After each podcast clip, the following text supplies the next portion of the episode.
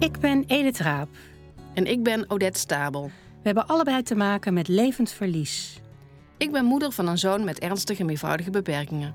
En ik vertel daarover in mijn boek Een kind met kansen. Ik vertel aan studenten over levend verlies als docent ouderbegeleiding aan de Hogeschool Utrecht. Levend verlies. Steeds terugkerende gevoelens van verlies, verdriet en rouw van ouders met een kind met een beperking of chronische aandoening. We maken de podcast om meer bekendheid te geven aan levend verlies. In onze podcast komen ouders en hulpverleners aan het woord over levend verlies. Wat is levend verlies precies? En hoe kunnen hulpverleners ouders ondersteunen?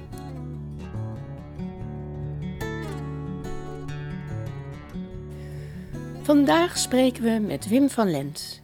Wim is mannencoach en wandelcoach. Hij heeft samen met Tim Overdiek het boek Als de man verliest geschreven. Het boek gaat over hoe mannen omgaan met rouw en verlies.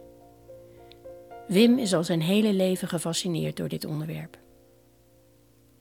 Ehm, mijn vader verloor zijn vader toen mijn vader drie jaar oud was. Dat betekent dat ik ben opgevoed door een man, door een vader die geen vader heeft gekend. En dat, dat heeft consequenties gehad voor mij. Ik heb altijd gevoeld bij hem dat er verdriet was en het ging er nooit over. En wat kinderen doen is als ze verdriet voelen bij hun ouders, dan nemen ze het verdriet van hun ouders op zich. Want kinderen willen het, willen het goed hebben. Dus ik heb dat ook gedaan. Ik ben altijd op zoek geweest, onbewust, naar hoe, hoe doet hij dat nou? Waar is zijn verdriet nou? Hoe kan dat nou als je je vader kwijt bent en het gaat er nooit over? Hoe, hoe doe je dat dan in het leven? En ik zeg dat nu zo achteraf kijkend. Maar voor mij is dat een soort rode draad geweest in de vraag die bij mij steeds meer zich ontwikkelde van hoe gaan mannen met verdriet om? Hoe gaan mannen met verlies om? Hoe doen mannen dat nou?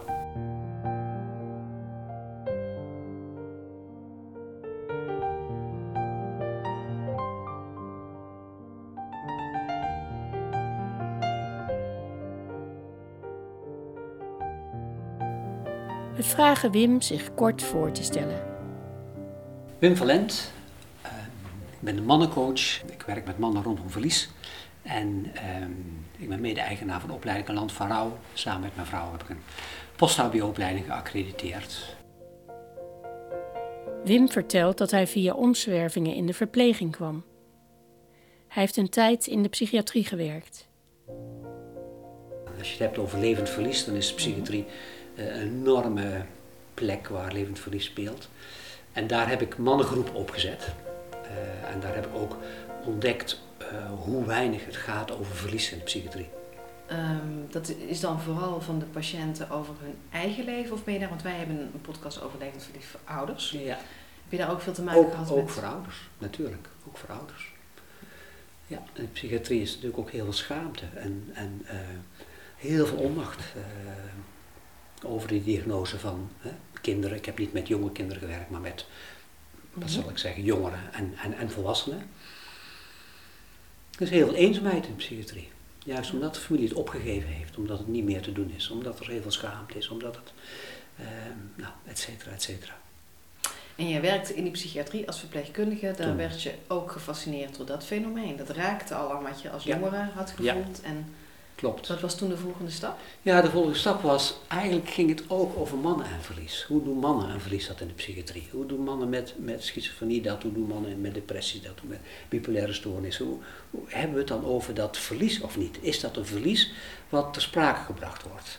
Nee, in die tijd niet. Het werd niet ter sprake gebracht. Verpleegkundigen werkten Mhm. met protocollen, ik ook. Het ging over mensen beter maken. Mensen zaten onder de medicijnen. Daar, daar was alles op, op beheersen, controle.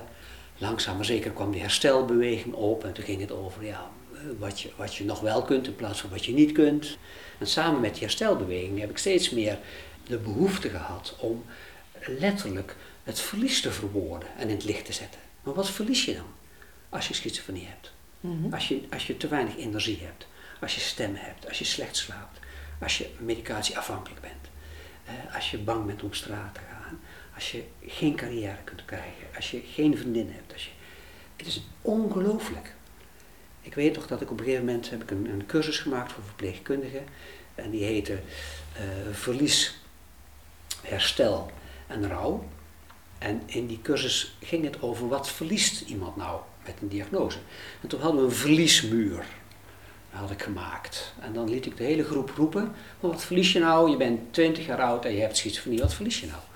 Nou, de meeste verpleegkundigen komen dan tot een stuk of 30, 35 verliesthema's. Maar ik heb ze helemaal uitgezocht en het gaat tot over de 70. Dus verliesthema's is ongelooflijk. Het is echt, echt verschrikkelijk. En als je dan ervan uitgaat dat je over al die verliezen op een bepaalde manier te rouwen hebt, wil je kunnen herstellen. Dat was eigenlijk uh, de uitgang, het uitgangspunt van die cursus. Hoe doe je dat? Nou, verpleegkundige helemaal verbazingwekkend in de stoel. Het was echt een muur van de verlies die op ze afkwam. Want zo groot is het, als je het helemaal uit gaat pluizen. En hoe kun je nou in hemelsnaam herstellen als je niet kunt rouwen, weet je, en tot op zekere hoogte. Want voor rouwen heb je ook een gezond deel nodig. En mensen in de psychiatrie hebben nog alles, het gezonde deel is nog alles klein. Uh, dus dat vraagt ook alweer aanpassingen. Maar erkenning kun je aan elk mens, mens geven. Dat is nog niet hetzelfde als rouwen, maar erkenning kun je aan elk mens geven. En je kunt het erover hebben en je kunt vragen stellen, nieuwsgierig zijn. Het zijn allemaal vormen van het ter sprake brengen, waardoor je enigszins kunt rouwen. En je zei van de verpleegkundigen kwamen tot 30 thema's, zeg maar. Jij, jij kwam er tot 70. Ja, En hoe kwam je daaraan? Ja, als je, als je gaat denken over, over het leven en over de dagelijkse verrichtingen van mensen, dan schiet het hard op. Begrijp je? Het gaat over het verlies van idealen, het verlies van energie, het verlies van vrienden, van huishouding, van financiën, omdat dat je daar zelf de, baas over bent. Uh, je rechtspositie, je identiteit, seksualiteit, intimiteit. Dat zijn allemaal thema's waar ergens verlies raakt. Ergens raak je daar een deel van kwijt. Maar ook of je nog kunt koken of niet, of je zelf boodschappen kunt doen, of je, je hygiëne, je algemene dagelijkse levensverrichtingen. Hoe ver kun je dat nog? Als je stemmen hebt, als je waan hebt, als je angstig bent. Dus het is enorm breed. Het is echt enorm breed. En als je dat dus ja, uitmeet, dan bom, wat groot.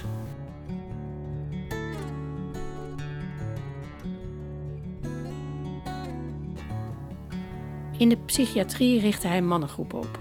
Het heeft ook, ook te maken met het feit dat ik inmiddels al wist dat mannen heel veel last van isolement hebben. Mm waar we in ons boek ook zo over schrijven, over ehm, het afgesneden zijn. Het afgesneden zijn. Jongens leren al heel vroeg, of tot op een bepaalde hoogte, bepaalde gevoelens door te knippen. Ik, ik, ik noem het een soort bedrading naar je mhm. buik, waar alle emoties zitten. En die hebben jongens en meisjes evenveel. Uh, alleen jongens leren wil je bij de mannen horen. En dat leer je op het schoolplein en al eerder. Wil je bij de mannen horen, er zijn er een paar draden, die moet je doorknippen. En dat zijn draden die gaan over uh, angst, over schaamte, maar ook over uh, heel erg vreugdevol, verliefd zijn. dat, dat, dat moet je op een bepaalde manier moet je dat controleren. Dus je moet je op een bepaalde manier vermannen. En dat geldt voor elke jongen is dat anders. We beginnen ons boek te zeggen, de man bestaat niet, heel belangrijk. Er zijn nog meer verschillen tussen mannen onderling dan tussen mannen en vrouwen. En elk mens gaat op zijn eigen manier met gevoelens om. Zeker elk mens rouwt op zijn eigen manier. Helemaal waar, maar dat gezegd hebbende, wist ik al heel vroeg, eigen ervaring, dat heel veel gevoelens, die liet ik niet meer zien aan mijn vriendengroep. En later in, in, het leven ben ik die gewoon kwijtgeraakt. Ik heb weer uh, in therapieën uh, weer moeten leren om contact te maken met mijn eigen emoties. Hè, met sommige eigen emoties. Dus ik, ik, wist hoe mannen op slot konden zitten. En hoe mannen vaak gevangen zaten in hun eigen emotionele wereld. En met name mannen die lijden. Mannen met een levensverlies. Mannen die, die ziek zijn en levenslang hebben. Dus ik had enorm verlangen om die mannen te bereiken. Om die het woord te geven, om die in het licht te zetten. Ja, hoe doe je dat? Nou, ik ben dus begonnen met, met een, een opleiding te gaan doen, mannenhulpverlening bij Geurtsen van der in Utrecht. En toen ben ik meerdere mannen gaan stimuleren dat ook te doen. Uiteindelijk hebben vijf mannen dat gedaan. Met die mannen hebben we een verpleegkundige mannengroep opgezet. En met die groep zijn we na gaan denken over hoe kunnen we mannen in de psychiatrie die verlies lijden in het licht zetten.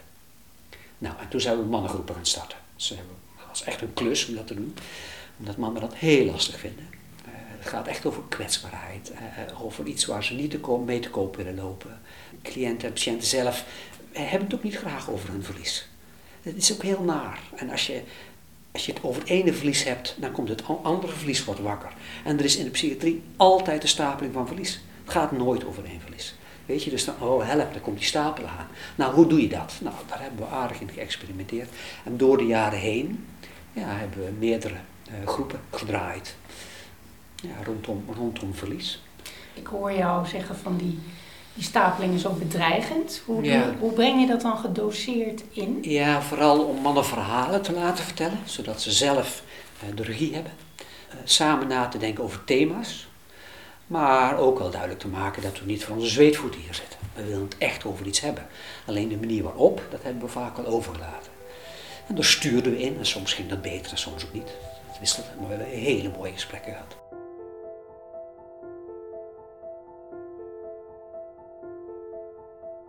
We vragen wat het belang is van een mannengroep voor vaders met levend verlies. Vaders met levend verlies zouden er goed aan doen om deel te nemen aan mannengroepen en misschien ook themagroepen van vaders met kinderen rondom levend verlies. Omdat als mannen met elkaar hun pijn delen, heeft dat een andere helende werking dan dat ze dat met, met vrouwen doen.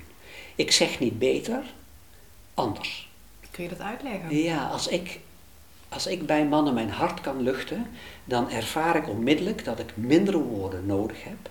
Dat ik op een bepaalde manier makkelijker begrepen en gesteund word. Uh, dat ik thuis kan komen. Mm Dat klinkt dan zo, hè, thuiskomen, maar het is iets van: hier hoor ik bij en wat fijn dat jij mij begrijpt. Dan wordt dat deel in mij, dat deel, dat mannelijke deel in mij, wat zo worstelt met die gevoelens, wordt rustig.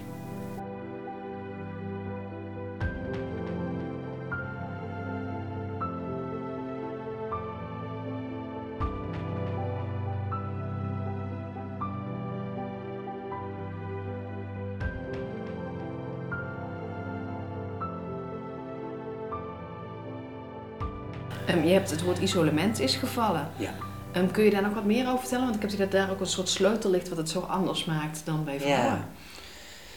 Ja, isolement is, een, is het, het, het emotionele stilzwijgen in onwetendheid, noem ik dat. Het is een soort onwetendheid. Je hebt het eigenlijk niet in de gaten, omdat je afgesneden bent van sommige gevoelens. En dat afgesneden zijn, dat gevoel van isolement, is ook een soort overlevingsmechanisme. Wat eigenlijk appelleert aan gevoelens van onmacht. En mannen, vaders in dit geval, als we het over vaders hebben, die in contact komen met verlies, uh, elk verlies brengt onmacht met zich mee. Voor vaders die isolement kennen uh, en in contact komen met verlies, wordt onmacht wakker. En onmacht is eigenlijk iets wat mannen lastig vinden. Omdat onmacht vraagt verduren, vraagt stilstaan, vraagt wachten, vraagt geen oplossing hebben het niet kunnen fixen. En dat zijn allemaal uh, zeg maar vlakken die mannen lastig vinden. Vrouwen daarentegen hebben door het feit dat ze vrouw zijn, hun lijf, hun, hun, hun cyclus, het, zwangerschijn, het baren. Uh, vrouwen hebben in zich veel meer uh, de kunst van het wachten. Niet afwachten, maar op een bepaalde manier wachten. Mannen vinden wachten een veel lastiger ding. Dus op het moment dat je, dat je verlies leidt, hebben mannen heel sterk de neiging om vanuit die onmachtspositie daar niet te lang te blijven en meteen in de almacht te schieten. En almacht gaat over ik fix het wel. Ik los het wel op. Snap je? Het is net bij mannen net iets anders. En als je dit met mannen kunt delen, dan is echt thuiskomen. Dan zeggen man, oh dat ken ik ook. Dat ken ik ook, dat was mijn eerste beweging doen en oplossen. En dat is ook heel fijn, want als je kijkt hoe mannen en vrouwen rouwen, dan zie je ook dat mannen of vrouwen meer behoefte hebben om, om te delen, om het erover te hebben, om het te verwoorden. Dus een geweldige kwaliteit. In die zin kunnen mannen van vrouwen leren om woorden te geven aan, aan sommige dingen die ze niet kunnen of willen verwoorden. Weet je, terwijl vrouwen echt van mannen kunnen leren om in beweging te komen, dingen te gaan doen. Ga iets doen en niet alleen maar praten. Maar ook het lijf in beweging zetten, zodat je gaat bewegen zodat het gaat stromen. Weet je, dan wordt het anders. Dan komt, je het over evenwichtig rouwen, maar dit is een, een, een, een steen die leidt tot een fundament van evenwichtig rouwen.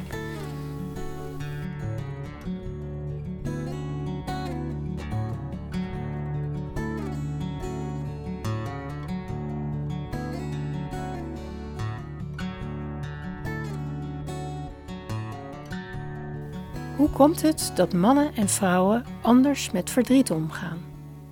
Meisjes leren al heel vroeg hun identiteit ontwikkelen samen. Meisjes horen bij moeders, zijn vrouwen, dus hoeven op een bepaalde laag niet weg van hun moeder. Om te kunnen voelen dat ze meisje zijn. Integendeel, moeder is een beeld, een spiegelbeeld. Jongens daarentegen moeten bij die belangrijke vrouw, de belangrijkste mensen in hun leven, hun moeder, moeten ze weg. Ze moeten ergens naar het beeld van vader of een mannelijke voorbeeldfiguur, waarbij ze zich hun identiteit kunnen ontlenen. Dus jongens moeten los van hun moeder. Dus jongens identificeren zichzelf als losstaand en meisjes als samen. Meisjes zijn ook altijd en vrouwen zijn op zoek naar wat hebben wij gemeen. Mannen kunnen veel makkelijker zeggen, dit hebben wij niet gemeen. Ik ben het niet met je eens. Ik heb het anders. Snap je? Kunnen veel meer gaan staan op een eigen stuk. Vinden vrouwen over het algemeen lastig. Die gaan levelen. Waar, waar kunnen we elkaar wel vinden, zodat we samen zijn? En dat is eigenlijk de basis van, als je dit groot maakt, dan begrijp je, tenminste ik denk te begrijpen waarom vrouwen en moeders soms wat anders reageren dan, dan mannen. En ik denk dat er veel strijd over is tussen ouders. Precies op dit punt. Want wat jij nu vertelt, dat weten ouders vaak niet hè, van elkaar. Ja. Ze zien hooguit dat het anders is en dat is uh, Ja. lastig. Daar hebben we ook al in onze interviews denk ik een paar mooie voorbeelden van gehoord. Ja. Ehm, wat kun je daarover vertellen? Eh, Psycho-educatie is belangrijk. Gewoon dit wat ik nu doe, Mhm. uitleggen. En het is zo fijn om dat aan vrouwen uit te leggen en, en natuurlijk ook aan mannen uit te leggen. Want als ik dat aan vrouwen uitleg, dan knikken mannen. Weet je, die zijn blij dat ik woorden geef aan iets wat ze al lang weten. En met heel veel respect uitleggen aan vrouwen. Dat helpt enorm. En ook mannen eh, te vertellen, luister eens, het is ook belangrijk dat jij ook uitleg geeft. En niet, niet ervan uitgaat dat je vrouw het allemaal wel snapt. Met andere woorden, dat je dus meer woorden gebruikt voor wat er binnen bij jou gebeurt. Dat is echt belangrijk.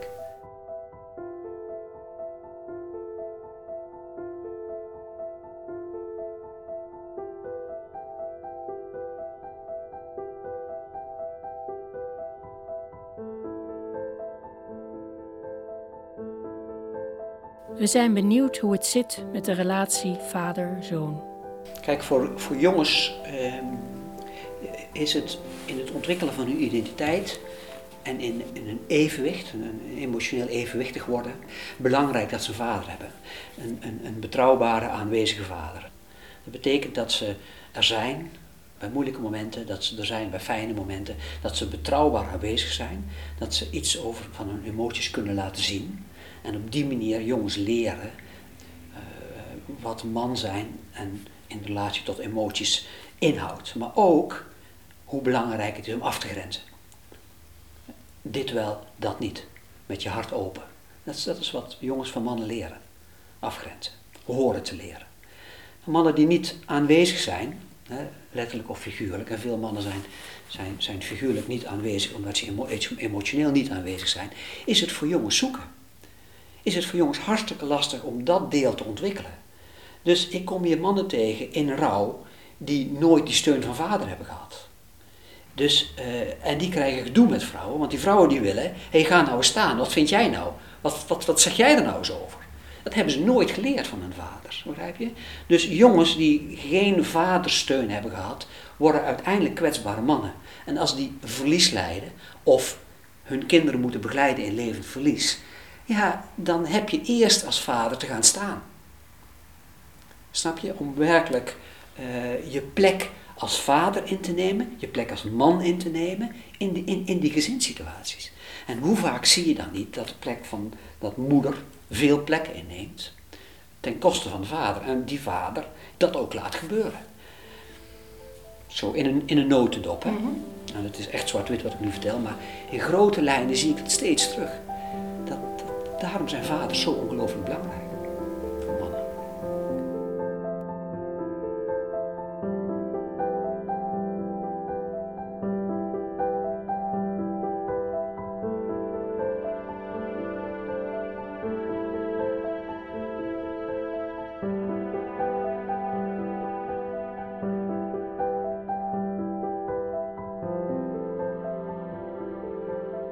Welke spreuk heeft Wim voor op een tegeltje? Mijn, een spreuk op het tegeltje is wat je niet kunt helen, moet je strelen. En, en dat, is, dat is iets wat ik met mannen heel veel doe. Uh, ze moeten loslaten dat het niet te helen is. En dat, dat gaat over levensverlies, maar ook over rouw op allerlei manieren. Dat het dus niet te helen is. Dan moet je als man, ik realiseer me dat dat ongenuanceerd is, maar als man moet je daar een soort slag van maken. Oh ja, ik kan het niet oplossen.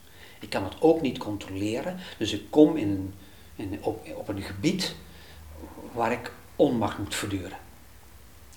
En eigenlijk eh, moet ik het steeds meer in gaan sluiten. En omarmen. Wat ik eigenlijk in eerste instantie zo verafschuw, niet wil, voor schaam, boos op ben. Zit de schaamte dan ook op het feit, en al die andere dingen, al die andere emoties, dat jij als vader het niet kan oplossen? Ja, zeker. Want ik ben inderdaad maar aan het zoeken en zoeken uh, in jouw verhaal. En denk, ja, maar dat heb ik toch allemaal ook? Want ik vind die machteloosheid ook vreselijk en ik wil het ook oplossen. Alleen... Het is bij jou niet gelinkt aan jouw vrouw zijn. Bij mannen komt het onmiddellijk komt het man zijn in het geding. Die mannelijke identiteit.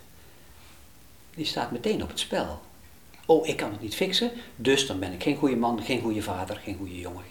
Daar gaat het over. Ja. Daar komt, dan wordt alles wakker. Wat bij mannelijkheid hoort. Ja, en, en daar kunnen mannen dus mee omgaan door te vluchten in dingen als drugs. Hard werken, veel sporten heel zie je heel veel. zijn, ja. Het ziet er allemaal geweldig uit, maar ondertussen.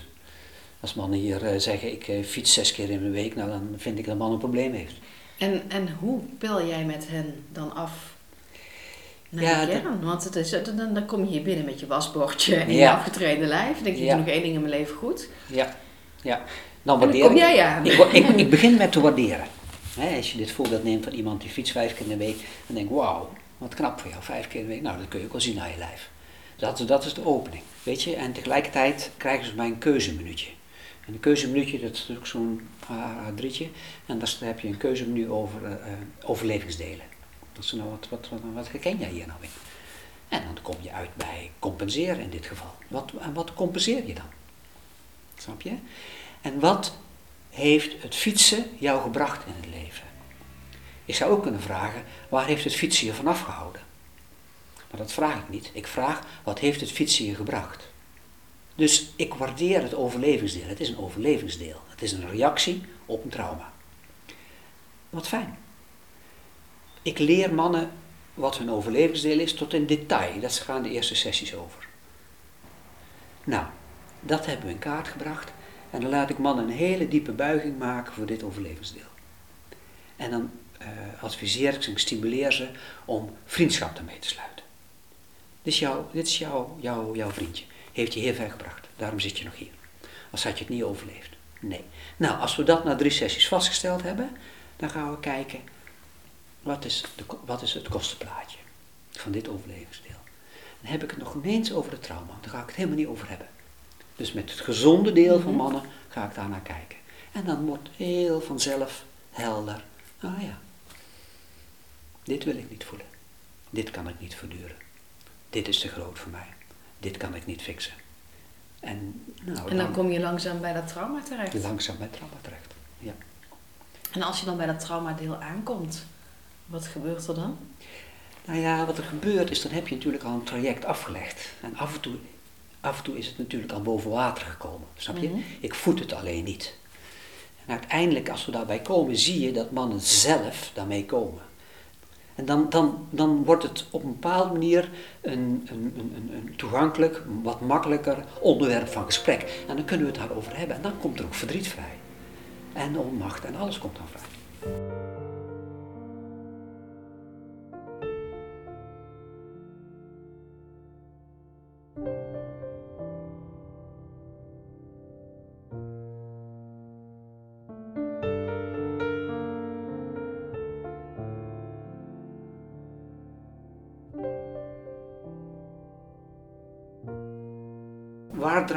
Lot in je lijf? Dat is wel een vraag, vind ik. Waar draag je je lot in? Kan het uiteindelijk ergens, ergens in je hart belanden of ergens bij je hart belanden? Of blijft het gewoon als een steen in je maag hangen? Dus het gaat ergens over verzoening, acceptatie, dat het dus nooit overgaat, dat het dus voortdurend blijft. En je kunt je verhouden tot het levenslot als een vijand en je kunt op een bepaalde manier, en vriendschap is een groot woord, maar minder vijandig tegenover staan. En dat is een soort zachtheid, een soort mildheid die gaat over dat dit bij jou hoort. Voor mij gaat het over hard en zacht. Het gaat over ja, steen en balsem. En het klinkt allemaal geweldig, dat weet ik, maar ik heb wel toch wel voorbeelden van mensen die op den duur iets meer van die balsem kunnen voelen. Of dat het minder lang duurt als je er weer mhm. in komt. Dat sowieso, dat het korter is, weet je. Dat, of dat ze hun hulpbronnen sneller in kunnen schakelen. En ik vind, ja, mijn tegeltje is dus wat je niet kunt helen, moet je strelen. En dat, ja, ergens vind ik dat ook werkelijk. Ergens gaat het dan niet meer, dan moet je het dus zachter maken.